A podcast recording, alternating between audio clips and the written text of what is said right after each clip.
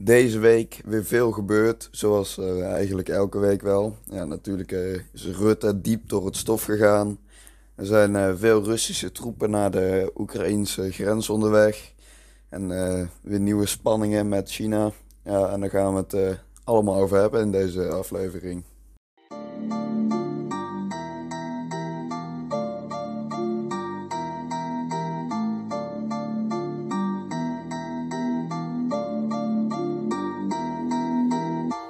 Naar City, in Lambo, op de streets, net als in Bordeaux. Elke dag in de hoed, en daar voel ik me goed. Ja, Jacques, het was uh, donderdag uh, eh, 1 april en normaal is dat wel een leuke, grappige dag. Ik heb echt gelachen die dag, maar uh, iemand anders niet echt, denk ik. nee, klopt. Want uh, ja, dat was natuurlijk het eh, debat, uh, het omzichtdebat. Met Rutte, Rutte tegen de Kamer en de verkenners er ook nog bij. En het ging heel de dag, was het bezig, ook in de nacht. Ja, het, is, het was heftig. Inderdaad, en Rutte is er zeker niet zonder kleerscheuren vanaf gekomen. Nee, want Uiteindelijk was er eerst op het begin dat uh, Wilders een uh, motie ingediend, al meteen een motie van wantrouwen. Die is door heel de Kamer, heel de uh, oppositie is die, die hebben voorgestemd. En daarna was er een motie van Kaag en Hoekstra. Die liet uiteindelijk Rutte gewoon, gewoon vallen. En uh, die was wel aangenomen. En dan was uh, de motie van uh, afkeuring. afkeuring. Ja, de motie van afkeuring. En daar was ook iedereen mee eens, behalve de VVD. ja, dat is op zich wel logisch, ja. Maar het was het, het, debat. ik heb er echt goed op kunnen lachen. Ik denk dat. Ik, ik, kijk tegenwoordig nooit tv, maar ik denk dat ik wel een nieuwe favoriete zender heb gevonden, namelijk Politiek 24. Tja. Want uh, op een gegeven moment uh, zei Rutte natuurlijk van, ja, ik, ik kan het me niet meer herinneren dat ik het heb gezegd. En toen stond heel de kamer op, iedereen meteen naar de microfoons. Klopt, ja, het is, ja, dat smoesje heeft hij al vaker gebruikt en nu is het al helemaal ongeloofwaardig. Want hoe kun je nou iets dat je een week daarvoor hebt besproken toch wel over een ja, een zeer belangrijk persoon, ook voor het uh, eh, VVD. En ja, dat zou hij dan gewoon vergeten zijn. En eerder heeft hij dat gebruikt. Dat smoesje bijvoorbeeld, uh, dat haalde Jesse Klaver ook aan. Toen, toen de ja, onschuldige burgers waren gebombardeerd door Nederlandse F-16's. Daar was hij toen over ingelicht door voormalig defensie, minister van Defensie Hennis. En uh, ja, dat zou hij dan vergeten zijn. En toen dat gedoe met uh, Helbe Zijlstra, die in Rusland uh, op bezoek zou zijn geweest, dat was hij ook vergeten. Dat was nog misschien enigszins geloofwaardig, maar nu, nu sloeg het nergens meer op. Dat, hoe kun je dat zoiets nou vergeten? Ja, en ook vooral de verkenners, die waren het ook vergeten. En dan, ja, ze zijn de belangrijkste details, zijn ze allemaal niet vergeten. De details wanneer ze dit en dat hebben gedaan. En dan iets over omzicht, ja, dat, dat weten we allemaal gewoon niet meer. Dat zit niet meer in mijn actieve, actieve herinnering. Inderdaad, ja. Op zich had hij er nog uh, best goed mee weg kunnen komen, denk ik. Tenminste, alsnog niet zonder kleerscheuren, want het is nu wel duidelijk dat hij... Ja, er stond, uh, we moeten wat met omzicht. Ja. Dus het bleek al dat hij niet uh, erg blij was met een kritisch politici of politicus als uh, omzicht.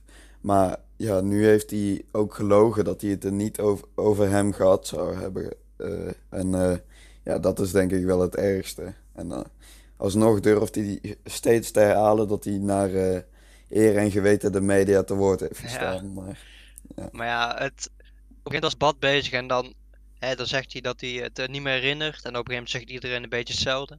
Maar toen kwam Baudet daar aan met een opmerking die ik toch wel, wel goud vond. Dat hij zei, ja, hoe laat heeft u het eigenlijk doorgekregen? En toen zei uh, Rutte van, uh, ja, om uh, half acht.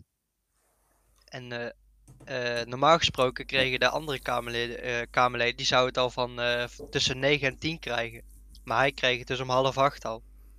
Ja, dus toen stond heel de kamer weer op om weer naar de microfoons te gaan. En begon het weer. Ja. Maar dat geeft ook wel weer, weer dat hij ja, eigenlijk zou in, de, in deze eh, fase van het eh, kabinetsvorming en zo, zou iedere, iedere fractievoorzitter en ja, Kamerlid gelijk behandeld moeten worden. Maar dat geeft dan weer weer dat omdat hij dan minister is en de kans, of ehm, omdat hij eh, minister-president is en de kans groot is dat hij, of de kans groot was dat hij ook weer het kabinet zou leiden, daarom is, eh, krijgt hij dan die formatie weer eerder. En dat is natuurlijk echt niet eerlijk eh, in een Nee, want democratie. eh Baudet die vroeg ook al meteen, heeft hij dat bericht dan gehad als premier of als fractie, fra- fractieleider VVD? Ja, daar reageerde hij dan niet op en ook niet op Nee. wie de bron was. En dat vond ik ook wel goed dat eh, Caroline van der Plas eh, dat zei van, eh, heeft hij überhaupt wel eh, de bron zelf gebeld? Want misschien wilde hij het wel gewoon laten weten wie diegene is. Maar ik verwacht dat dat ook nog wel naar buiten zou komen wie de bron is. Ja, dat zei, dat zei Eertmans van, van ja 21 inderdaad ook al. Het komt toch wel naar buiten, dus zeg het Ja. dan gelijk dan. Maar ja, ik, maar ja. Jij zei het eh, vorige keer al van, jij denkt dat een eh, tactiek is van eh, D66. En ik denk dat ik toch wel gelijk begin te krijgen. Geen kabinet en... Maar- ja, maar hij heeft nog wel veel vertrouwen, veel steun in, binnen de VVD. Ja, ik, ik denk niet dat dat slim is om nu nog steun te uiten naar Nee. Mark Rutte. Want ik denk dat hij vroeg of laat toch ga- gaat moeten opstappen. Hij is natuurlijk ook al, al lang eh, de eerste man van het eh, VVD. Ja, ook En ik denk dat, dat het tijd is voor een andere lijsttrekker nieuw, onderhand. nieuw leiderschap. Nou ja, dan, eh, dan heb je twee nieuw leiderschappen. Maar En, ik snap wel dat hij niet wil opstappen. Want ja, je bent tien jaar leider van een land. Daar wil je natuurlijk niet zomaar opgeven. Tje. Ja, en hij is nu echt het, gezicht van, eh, van, ehm, van het VVD. Ik denk dat, dat er best veel mensen zijn die geen andere partij of geen andere kandidaat zien voor, eh, of kennen voor het VVD. Terwijl in, binnen andere partijen heb je nog wel andere mensen die bekend zijn. Zo heb je binnen het CDA kunnen mensen vaak wel eh, Hugo de Jonge, Pieter Omtzigt, Hoekstra kunnen ze nog wel opnoemen. Maar ik, ik denk al dat veel mensen de nummer twee van het, eh, van het VVD niet eens Nee. Ja, ik zag daar eens wel een grappige foto van eh, Rutte en eh, had zo'n WhatsApp gesprek van Rutte met Dijkhoff. En dat Dijkhoff zijn foto stuurde met een pilsje van alles goed aan Rutte. Tje. Nou, maar Dijk, verwacht jij dat Dijkhoff terug Maar gaat die, komen? is, eh, die zit niet meer bij de VVD toch? Die is toch weggegaan? Nee, klopt, ja. Ja, maar misschien ziet hij dan nu nog, toch nog een kans Ja. om, eh, om lijsttrekker te worden, maar ik Dat hij verwacht het ook niet terugkomt om eh, even lijsttrekker te worden. Ja, eh, misschien als hij zijn kans schoon ziet, dat zou best nog eens kunnen. Maar waarom denk je eigenlijk dat Rutte heeft aangeboden om al zijn stukken te leveren? Omdat hij dacht om er gewoon weer mee weg te komen. Zoals altijd.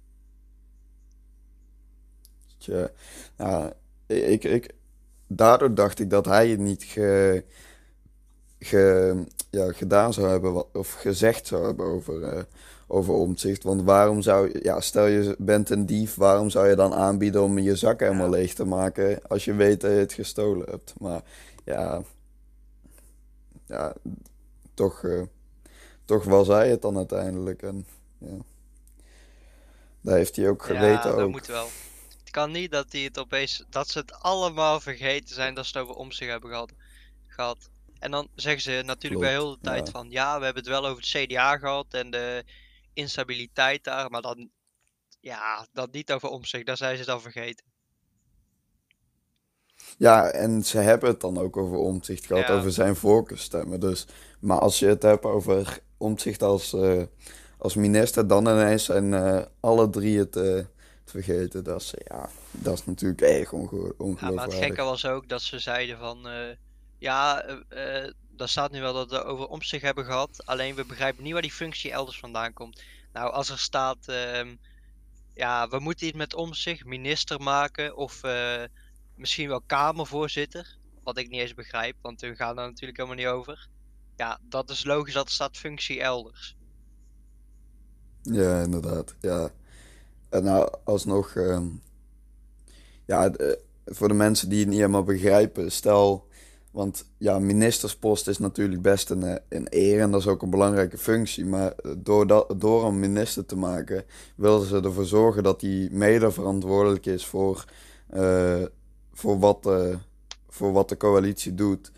Terwijl als je als Kamerlid, wat hij voorheen was, dan, dan controleer je juist het kabinet. En daardoor is, heeft hij ook de toeslagaffaire naar boven kunnen krijgen. Terwijl als je als minister, eh, eh, ja, dan, dan ga je niet, eh, ja, misschien omzicht wel, maar dan ga je niet je eigen, of je eigen kabinet onder, onderuit halen. Ja, want je ziet ook niet alleen dat bijvoorbeeld Rutte, ja, we kunnen eigenlijk wel zeggen dat hij hem liever weg, weg wilt zien. Maar je ziet dat ook binnen het CDA natuurlijk. Dat eh, ze om zich liever niet, eh, niet willen.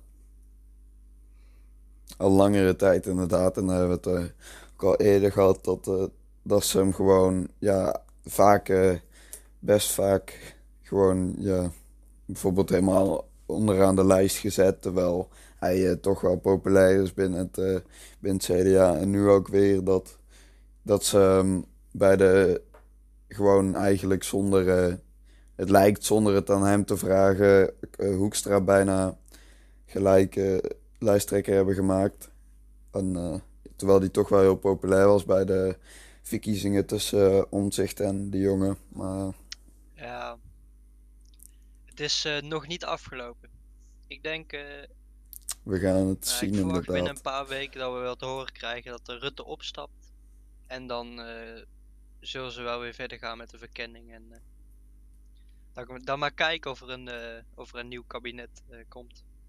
Ja, ik zei ook al op het werk inderdaad dat die, die Jeff heeft toch weer gelijk. Dat, eh, want ik dacht dat, dat D66 er vooral kleerscheuren aan zou overhouden. Omdat ja, het papiertje van Ollongren was en zo. Maar uiteindelijk is het inderdaad het VVD en dan vooral Mark Rutte dat, dat de meeste eh, schade eraan overhoudt. Ja, want eh, na die motie eh, van Kaag en Hoekstra, ja, dan zag je dat de, het kabinet, die, het huidige kabinet dan, de huidige coalitie, die had nog enigszins idee, er kan wel een kabinet komen. Maar nu zie je ook al dat de ChristenUnie, die heeft nu gezegd, wij willen niet meer in een kabinet met Rutte. Ja, en dan komt natuurlijk door dat eh, nadat die motie was ingediend, eh, de jongerenorganisatie van D66, CDA en eh, de ChristenUnie niet blij waren. Want die wilden Rutte gewoon, ja, die wilden niet meer Rutte verder. Dat snap ik ook wel. Ja. Maar ik, ik denk dat het VVD alsnog in een coalitie komt. Maar dan inderdaad met, ja, eh, misschien als Kaag als premier of zo. Ja, ja dat, is, dat eh, denk ik wel dat het sowieso gaat gebeuren. Ook omdat hun nu ehm, de eh, verkenning gaan leiden. En de leiding daar nu in hebben. En eh, ja, maar ik ben benieuwd, want ik denk hoe het nu gaat dat we snel weer aan nieuwe verkiezingen zitten. Omdat een kabinet met de VVD kan wel. Alleen wie is dan de nummer 4? Want dan heb je CDA, D66 eh, en de VVD. Maar omdat D66, die is nu eh, leidt in de verkenning, dus die heeft nu best wel wat te zeggen. Maar als je het dan gaat hebben met de ChristenUnie over het uh, voltooid leven, ja, ik denk niet eh, dat dat eh, een kabinet wordt eh, en dat ze daar eh, alle twee eh, recht tegenover elkaar staan. Ja, en de CU, eh, ChristenUnie heeft sowieso al gezegd dat, dat ze niet met VVD eh, in een coalitie willen. En eh, ik denk ook niet dat ze naar links eh, kabinet zullen gaan, ChristenUnie.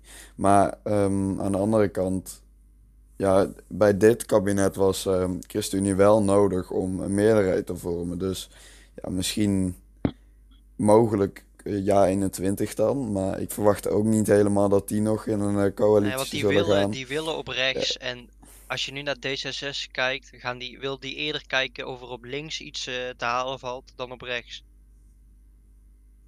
Klopt, maar ik, ja, ik denk dat een coalitie op links, dat gaat nog uh, heel ingewikkeld ja. worden. Ja. Als ze dat willen gaan doen, dan, dan, ja, dan zitten we sowieso aan nieuwe verkiezingen, want dat gaat nooit goed. Maar ik denk niet dat, dat de huidige ja, mogelijke coalitiepartijen, dus VVD, D66 en CDA. Ik verwacht niet dat zij nieuwe uh, uh, verkiezingen willen. Ja, misschien CDA wel. Dat, stel ze doen Pieter Omtzigt als ja. lijsttrekker, dan zouden ze echt heel veel zetels krijgen. Maar ik denk dat D66 en VVD nu alleen maar zetels zouden verliezen bij nieuwe verkiezingen. Ik verwacht... Dus, ik verwacht niet dat zij nou, dat ik willen. Ik denk, als er nieuwe verkiezingen komen, dat de VVD gaat natuurlijk wel heel veel verliezen. Maar D66, ik denk dat die veel gaan winnen. Omdat er ja, misschien wel heel dat. veel mensen eh, van links... Want er zijn heel veel mensen van links gekomen en die zien nu ook altijd gezeik. En die denken dan, nou, dan toch een grotere D66. Dat het toch via links uh, de kans groter is uh, om dat te doen. Dus dat er veel, nog meer naar D66 gaan. Ja, en ik denk zeker ook dat veel VVD'ers, um, ja, of dat ze naar ja 21, misschien FVD of naar D66. Dat er wat meer progressieve naar D66 en de meer conservatieve naar ja 21 of FVD of zelfs ja. PVV gaan. Dat uh, lijkt mij, ja. Maar ik denk niet dat ze dat, dat, ze dat gaan doen, uh, nieuwe verkiezingen. Nou, ik, uh, ik verwacht wel dat Rutte uh, op gaat stappen. Want uh, anders komt er überhaupt geen coalitie. Klopt. Ja, of misschien, ja, wat me ook nog mogelijk lijkt, is dat Rutte niet opstapt, maar dat veel leden binnen het VVD weggaan omdat ze ja, het niet meer, niet meer zien zitten met, met Rutte. Ondanks dat het lijkt dat de steun binnen het VVD best groot is, maar ik verwacht niet dat dat voor iedereen geldt. Ja, het lijkt me ook wel sterk hoor. Dat, eh, dat er heel veel steun eh, zou zijn. Ja, inderdaad. Want waarom zou je op een zinkend schip blijven zitten? Ja. Maar ja,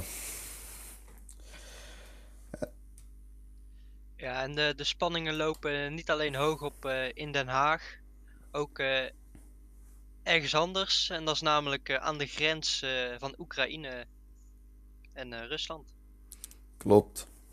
Ja, daar is eh, al lang natuurlijk spanning ook in, eh, in 2014 eh, toen de Krim is geannexeerd door, eh, door Rusland. Ja, en eh, het is al eh, la- lange tijd. Sinds toen is het ook al onrustig doordat de pro-Russische separatisten eh, in het eh, oosten van Oekraïne ja, delen van eh, Oekraïne dan bij Rusland willen laten horen. Zo is het eh, al echt lange tijd onrustig eh, rond de stad eh, Donetsk. En eh, ja, nu lijkt het erop dat Rusland zelf ook stappen gaat nemen door, door veel militair materiaal richting de grens van, van Oekraïne te, te laten vervoeren. Ja, en we zien ook al dat ehm, Oekraïne steun krijgt van, ehm, van de EU. En eh, Biden heeft ook al gezegd dat hij, eh, dat hij Oekraïne steunt. Klopt. Ja, en de, de Biden zal ook wel moeten, want eh, dingen. Oekraïne heeft in eh, 1994 bij het Boeda- Budapest Memorandum hebben ze, in, hebben ze nucleaire wapens opgegeven voor de, de garantie dat, dat ze onafhankelijk zouden blijven. En dat is onder, onder andere ondertekend door, eh, door de VS. Dus. En eh, ja, stel Biden zal ze niet, st- schiet ze nu niet te hulp, dan, dan zal Oekraïne daar wel spijt van Ja. hebben. Want ja, nucleaire wapens schrikken, schrikken Rusland natuurlijk wel af als, je, als ze land binnenvallen. Maar ik denk ook niet dat het een directe binnenval of een aanval wordt van Rusland. Stel ze gaan wat doen. Ik denk dat ze gewoon veel wapens zullen geven aan Rebellen, die eh, ja. ja klopt aan die, eh, aan die separatisten. En dat ze misschien ook ja want dat, dat is al eerder het geval geweest. Bijvoorbeeld de MH17 is ook neergeschoten door boekraketten die door Rusland waren geleverd aan die, eh, aan die rebellen. Eh, ja ik, eh, ik verwacht eh, niet dat ze ja, directe aanval zullen doen. Al hebben ze in, eh, in de Krim was het wel ja dat is nu gewoon echt een stuk Rusland lijkt het daar, eh, daar doet eh, Rusland ook heel veel investeringen in allemaal villa's en zo om aan de mensen in Oekraïne te laten zien dat ze het beter kunnen hebben, stel ze horen bij Rusland. Terwijl- ja, maar dat is natuurlijk eh, allemaal een vorm van propaganda. Ja, en de EU die heeft nu ook beloofd aan Oekraïne om ja, ze niet alleen tegen gewoon echt Rusland te steunen, maar nu ook tegen de pro-Russische rebellen. Dus het, ja, er gaat wel iets gebeuren in eh, Oekraïne. En ehm, je ziet ook nu veel filmpjes eh, dat de Rus, eh allemaal treinen uit Rusland met tanks erop en, en vlieg, vliegtuigen en zo vanuit Rusland, dat die gewoon richting de grens gaan of zelfs Wit-Rusland binnengaan. Klopt. En ja, de NAVO heeft nu ook beloofd om, om einde eh, eh, later dit, eh, dit jaar oefeningen te doen binnen, binnen Oekraïne. Ook in, in de oostelijke regio's waar die Russische separatisten actief zijn. En ja, de, dat is natuurlijk wel bijzonder, want officieel hoort Oekraïne niet bij de NAVO, maar ze hebben wel afspraken gemaakt. En ik denk dat het goed is om, om vroeg een vuist te maken tegen Rusland. Want ja, stel je, je blijft Poetin de kans geven om kleine stukjes land, eh, tenminste kleine, de Krim is natuurlijk niet klein. Maar stel je blijft eh, Poetin de kans geven om, eh, om stukjes land in te nemen, kan het, ja, kan het op een gegeven moment erg uit de hand lopen. Zo hebben we ook al gezien ja, in de aanloop van de Tweede Wereldoorlog. Ja, daar lieten de geallieerden Hitler ook steeds land inpikken, zoals Tsjechoslowakije en, eh, en zo. En uiteindelijk eh, wilde hij ook Polen. Ja, dat, eh, dat ging te ver. En toen stapte, stapte ze wel in de geallieerden. En dat zie je nu ook, denk met de NAVO, dat ze nu ook echt iets, iets gaan doen. Ja, ik denk dat het goed is om gelijk, dat ze gelijk hun tanden laten zien in plaats van dat ze nog afwachten. Want ja, stel het gaat ooit echt te ver. Want ja, Rusland heeft natuurlijk ook zijn ogen, ge- oze- ehm, ogen gevestigd op de eh, landen in de, in de Ja. Balkan. Dus eh, Litouwen, Estland en eh, ja, en de andere landen daar. En ja, die, daar zijn ook natuurlijk al oefeningen geweest van de NAVO, maar dat, ja, dat, kan, dat kan er nog wel Ja, escaleren. je ziet nu ook dat ehm, de NAVO veel oefeningen doet aan de grenzen met Rusland. Om eigenlijk een beetje hetzelfde spelletje te spelen wat Rusland natuurlijk doet. eh, want die willen natuurlijk altijd hun eh, macht laten zien. eh. ja, het is denk ik wel goed inderdaad dat de NAVO Zo. dat ook eens doet. Inderdaad, want ja. Maar ik denk, ja, Rusland heeft wel echt intenties om, om stukken land in te nemen waar, ja, waar de NAVO dat denk ik niet heeft. Ik, tenminste, ik hoop het niet. Al eh, had jij wel eh, vernomen dat er documenten waren of zo waarin eh, de NAVO van plan was om de Krim Ja, terug dat is, dat is allemaal niet zeker natuurlijk. Eh, want net zoals die filmpjes trouwens, die kunnen ook van een aantal jaar geleden zijn of zo. Maar er stond laat zeggen dat er een document is getekend tussen Oekraïne, de NAVO en de Verenigde Staten om, om inderdaad Krim terug, terug te pakken. En als dat gebeurt, ja, dan, eh, ja, Dat zou eens goed mis kunnen lopen, denk dan ik. eh, krijgen wij nog wel een eh, belletje, denk ik, eh Jacques. Ja, van dat we weer, ja, tenminste, we hebben de brief al ontvangen dat we eigenlijk in dienstplicht moeten tenminste, we hebben zo'n brief gekregen van de dienstplicht, maar we hoeven ons niet te melden. Maar misschien krijgen we dan inderdaad wel een telefoontje dat we, dat we wel eh, op Dan oefening krijg je moeten. die eigenlijk. Nou, 17. Die, eh, die moet ik dan nog, eh, die moet ik dan nog krijgen. Oh, ja. Ik heb hem al ontvangen. In, ja, voor, vorig jaar denk ik al. Eind vorig jaar. En? Maar ja, Weet je al wat je gaat doen? ja mooi.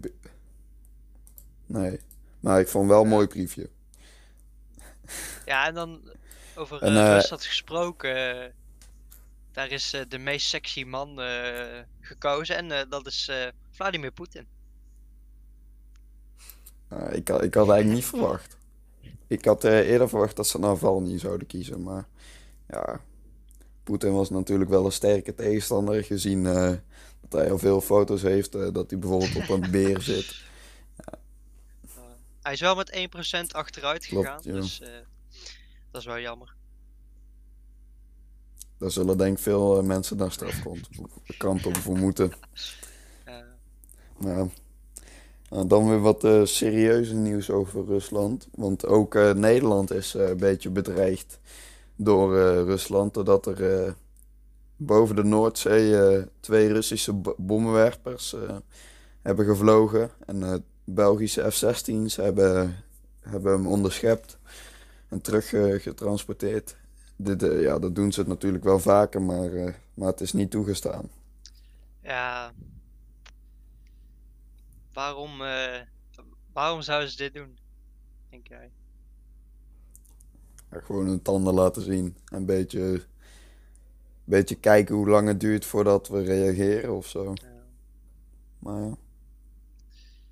Ja, en dan, ja, eh, Rusland is natuurlijk in het eh, Shanghai-pact eh, samen met China en India en Noord-Korea en nog wat andere landen in Azië. En het Shanghai-pact zeg maar een militaire samenwerking. Maar we zien niet alleen dat de, het Westen problemen heeft met Rusland in het eh, Shanghai-pact, maar ook met een ander land in Shanghai, eh, Shanghai-pact. En dat is namelijk eh, China. Inderdaad, want ja, recentelijk zijn de spanningen weer hoog aan het oplopen tussen de VS en China. Want ja, in Taiwan is vorig jaar volgens mij een, een pro-onafhankelijkheid president aangesteld. En eh, ja, daar zijn de Chinezen natuurlijk niet blij mee, want die wilden eigenlijk dat China en Taiwan eh, steeds meer eh, ja, op elkaar gingen lijken. Maar dat, dat lijkt nu niet, niet de goede kant op te gaan voor China.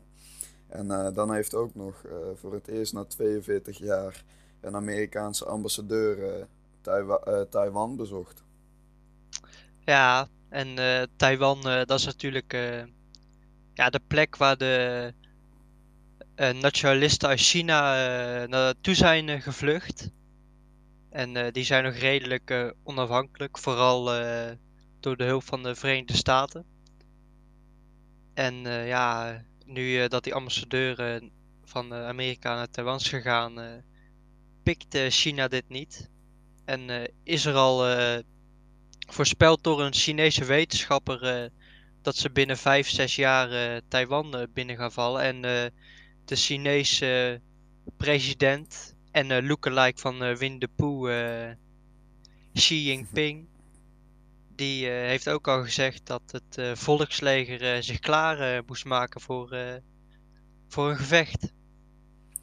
Tja, en ook van de, aan de Amerikaanse kant, door de Amerikaanse topcommandant Philip Davison, heeft, heeft gezegd dat, dat hij verwacht dat eh, China binnen zes jaar eh, Taiwan zal binnenvallen. Ja, en eh, ja, dat ziet er dan zeker niet goed uit. Zeker dat nu China zijn heel veel training aan het doen met gevechtsvliegtuigen boven Taiwan en vooral in de buurt van Tai, Taiwan, Taiwanese luchtruimen. En ook de marine heb ik, heb ik gelezen dat die ook eh, binnen het, eh, binnen het Taiwanese eh, ja, vaargebied komen. er zijn veel spanningen inderdaad. Ja, en dan staat hier ook in de Chinese droom Xi's voornemen om van China weer een grootmacht te maken, speelt de militaire capaciteit een grote rol. De People's Liberation Army, PLA, moet heer en meester zijn in de regio rondom de Stille Oceaan en moet in 2049, als een volksrepubliek haar 100ste verjaardag viert, grote oorlogen kunnen winnen. En ja, als je nu kijkt, is dat zeker eh, ja, wat ze toch wel willen gaan eh, bereiken. En dat eh, komt zeker in de buurt met het, het, leger wat ze, wat ze hebben en waar ze aan, aan het investeren in, in zijn. Klopt. En ja, je- denk jij dat eh, de VS iets zal gaan doen op een gegeven moment? Stel, eh, stel China valt, eh, valt Taiwan binnen. Ja, ik denk dat ze dat aan de ene kant wel moeten doen. Maar ik denk dat ze dat ook wel gaan doen. Want ehm, zonder Verenigde Staten was Taiwan al lang binnengevallen. Dus ik denk dat hun al sowieso veel investeren in Taiwan. En om dat dan, ja, als China hun eh, binnenvallen gewoon te laten gaan, eh, dat, lijkt, eh, dat lijkt mij niet. Ja, en Taiwan is natuurlijk ook belangrijk voor Amerika, omdat er in Taiwan veel chips worden gemaakt. Maar al steeds meer van de bedrijven in Taiwan die verplaatsen naar, naar de VS. Dus ja, die zien inderdaad ook wel de storm aankomen. Maar ik, ik denk niet dat, dat China een, ja, een duidelijke invasie gaat doen. Ik denk dat ze eerst beginnen door eh, met het bijvoorbeeld het onderscheppen van vrachtschepen, door te zeggen dat daar wapens in zaten of zo. Terwijl ja, iedereen weet dat dat niet zo is, maar wat kun je daaraan doen? Ehm, ik denk dat ze eerst dat soort tactieken zullen gebruiken door, ehm, om de export binnen Taiwan aan banden te leggen en de import ook. eh, om op die manier de economie daar op zijn knieën te krijgen en de mensen ook eh, ontevreden te maken. Zodat ze minder, eh, minder zullen ja, vechten tegen een invasie als eh, China uiteindelijk Taiwan gaat overnemen. En ja, dan is het ook, dat maakt het ook lastig voor de VS om iets te doen. Want die kunnen wel wapens leveren dan, wapens leveren dan bijvoorbeeld, maar ja, ze kunnen dan, dan moeilijk ineens de oorlog verklaren aan, aan China of, of echte verdediging doen als er niet eh, duidelijk een oorlog is. En ja, ik, eh, ik denk dat dat, ja, ik weet ook niet of het voor de VS het waard is om eh, Taiwan echt, echt te verdedigen, want ja, Taiwan ligt natuurlijk best eh, dicht bij China. Tenminste, een stuk dichter bij China dan, dan bij de VS. Dus dan is het ook al lastig om, om te verdedigen. En de Taiwan, het gebied rond Taiwan ligt ook binnen, het, binnen de afstand die verdedigd wordt door eh, Chinese anti-schip raketten. Dus dan, ja, dan maakt het ook, eh, ook weer een stuk lastiger. En eh, ja, ik ben benieuwd wat er gaat gebeuren. Maar ik denk dat het een beetje hetzelfde scenario is als met Poetin. en dat, dat we dat vergelijken met wat er voor de Tweede Wereldoorlog was gebeurd. Dat we dat ook kunnen vergelijken met China. Laat de Verenigde Staten dit gewoon gaan. En, of zetten we hier gewoon eh, een stop tegen. En als we dit laten gaan, dan eh, komt die droom van eh, Xi Jinping wordt dan steeds realistischer. Tja, maar ik, ja, ik, denk, ik denk dat het toch wel wat anders ligt dan, dan bij, bij, Oekraïne en, en Rusland. Want ja, ik denk dat ja, Oekraïne was natuurlijk ook deel van de vo- voormalige Sovjet-Unie. Maar eh, daar is de onafhankelijkheid duidelijk, eh, duidelijk bepaald. Terwijl bij Ja, Taiwan wordt nog door, eh, door sommige landen als deel van China gezien, als provincie van China. En ja, ik, ik ben benieuwd hoe dat gaat lopen. Ja, want ja, de Verenigde Staten kan natuurlijk ingrijpen. En ik hoop ook dat ze dat zullen doen. Maar Taiwan, eh, die, eh, hebben ze, die zijn zich ook aan het voorbereiden natuurlijk. Want die horen natuurlijk ook wat eh, China wilt.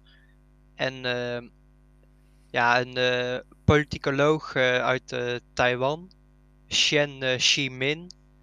Hij werkt aan de universiteit in Taipei in Oost-Aziatische militaire zaken. En hij zei ook van, wij kunnen ons alleen maar verdedigen.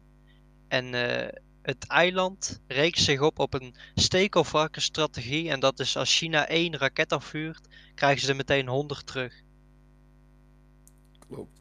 Maar het, eh, het gaat wel een grote uitdaging worden voor eh, Taiwan om zichzelf te verdedigen. Want ze hebben een leger is natuurlijk een stuk kleiner voor, eh, dan, dan dat van China. China is ook weer een stuk groter, dus ze hebben ook een groter leger nodig om, om zichzelf te beschermen.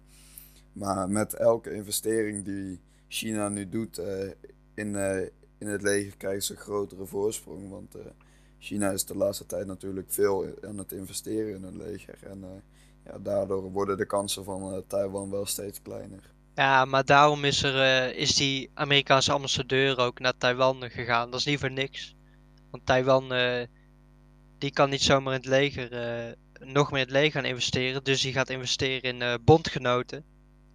Tja, En dat is eh, belangrijk. hoopt zo eh, dat ze wat, eh, wat tegen China kunnen doen. In plaats van dat ze er in hun eentje voor staan. Klopt. Maar ja, dan, dat is niet het enige Shanghai-pact-lid waar eh, gedoe mee is. Want ook Noord-Korea is weer aan het klooien. Ja, want ehm, wat mij opvalt is dat sinds eh Biden president is, dat de landen die eh, ja, toch wel eh, een redelijke relatie leken te hebben met de Verenigde Staten, nadat Trump een paar keer op bezoek was geweest, zoals Noord-Korea, ja, dat ze nu toch weer dingen durven te doen die eigenlijk niet echt de bedoeling zijn. En had Biden ook eh, al een contact proberen te leggen met Noord-Korea. En toen zei ze laat slapen, maar ze zijn nu weer eh, wakker geworden om eh, bommetjes eh, te testen in de zee. Klopt. En ik, ik- ja, ik weet niet of dat echt te maken heeft met het persoon dat Trump of Biden is. Maar wel, wel met een ja, policies, zeg maar. Want Ja, Trump was veel meer van ja, te terughoudend zijn met affaires van andere landen. Dus hij wilde gewoon eh, het leger gebruiken voor het beschermen van, eh, van de VS en eigenlijk het liefst zo min mogelijk andere dingen. En hij eh, moedigde ook andere landen aan om, om een ja, budget, legerbudget weer omhoog te krijgen binnen de NAVO. Omdat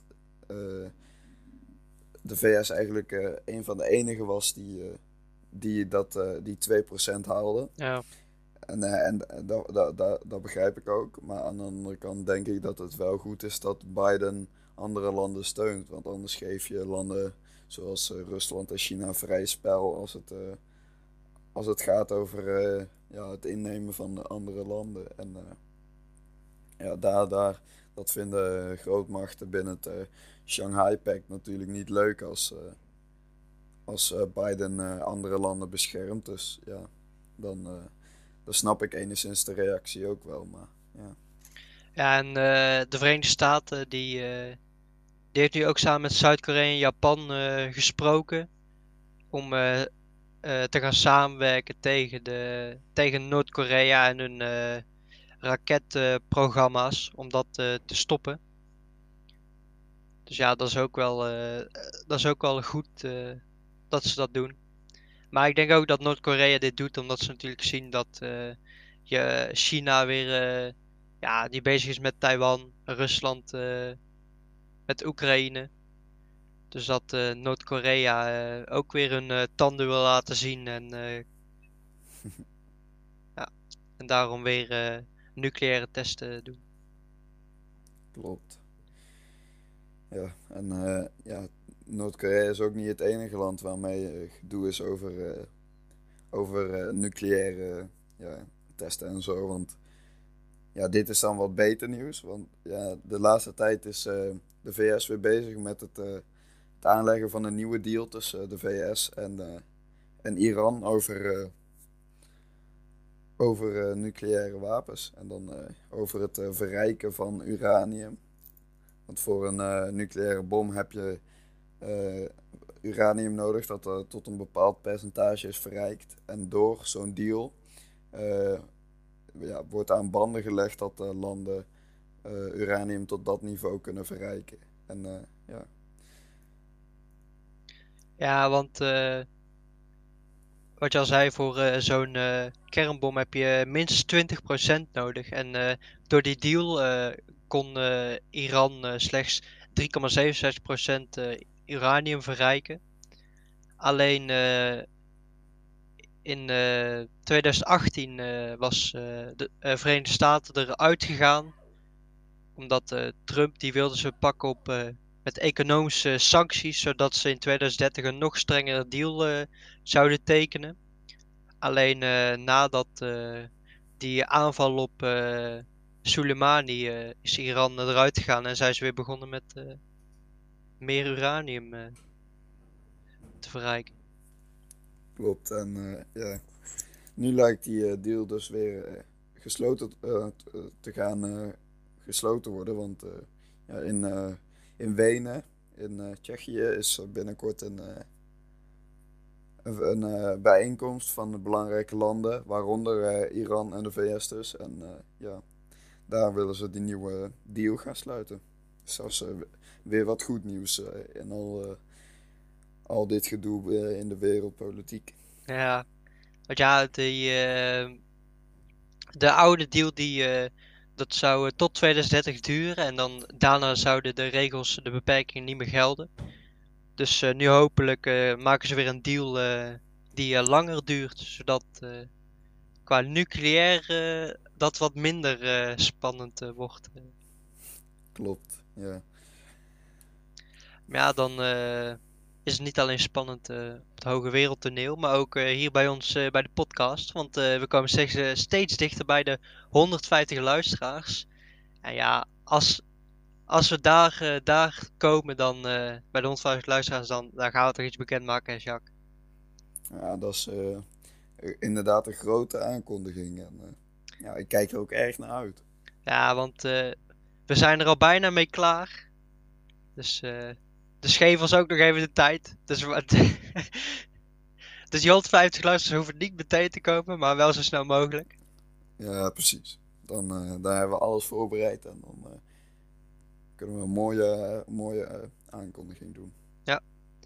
En eh, ja, dan hebben we ook nog wel iets te zeggen, want drie, drie of twee weken geleden hadden wij natuurlijk geen aflevering eh, online gezet, omdat de opname was mislukt. Dus eh, doen we deze week een extra aflevering, eh, die komt zaterdag online.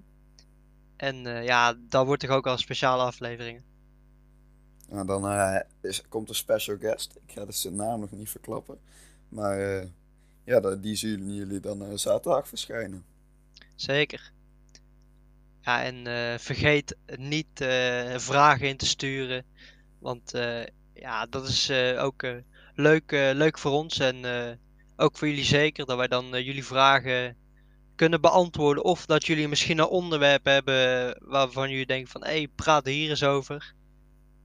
Dus ja, eh, Ja, dat is, dat is een goeie. vergeet dat zeker niet te doen. De link staat in de beschrijving eh, van de podcast. Ja, en dan hebben we nog maar één keer te zeggen en dat is eh houdoe. Luister nu even naar de beat. Dan ga ik weg.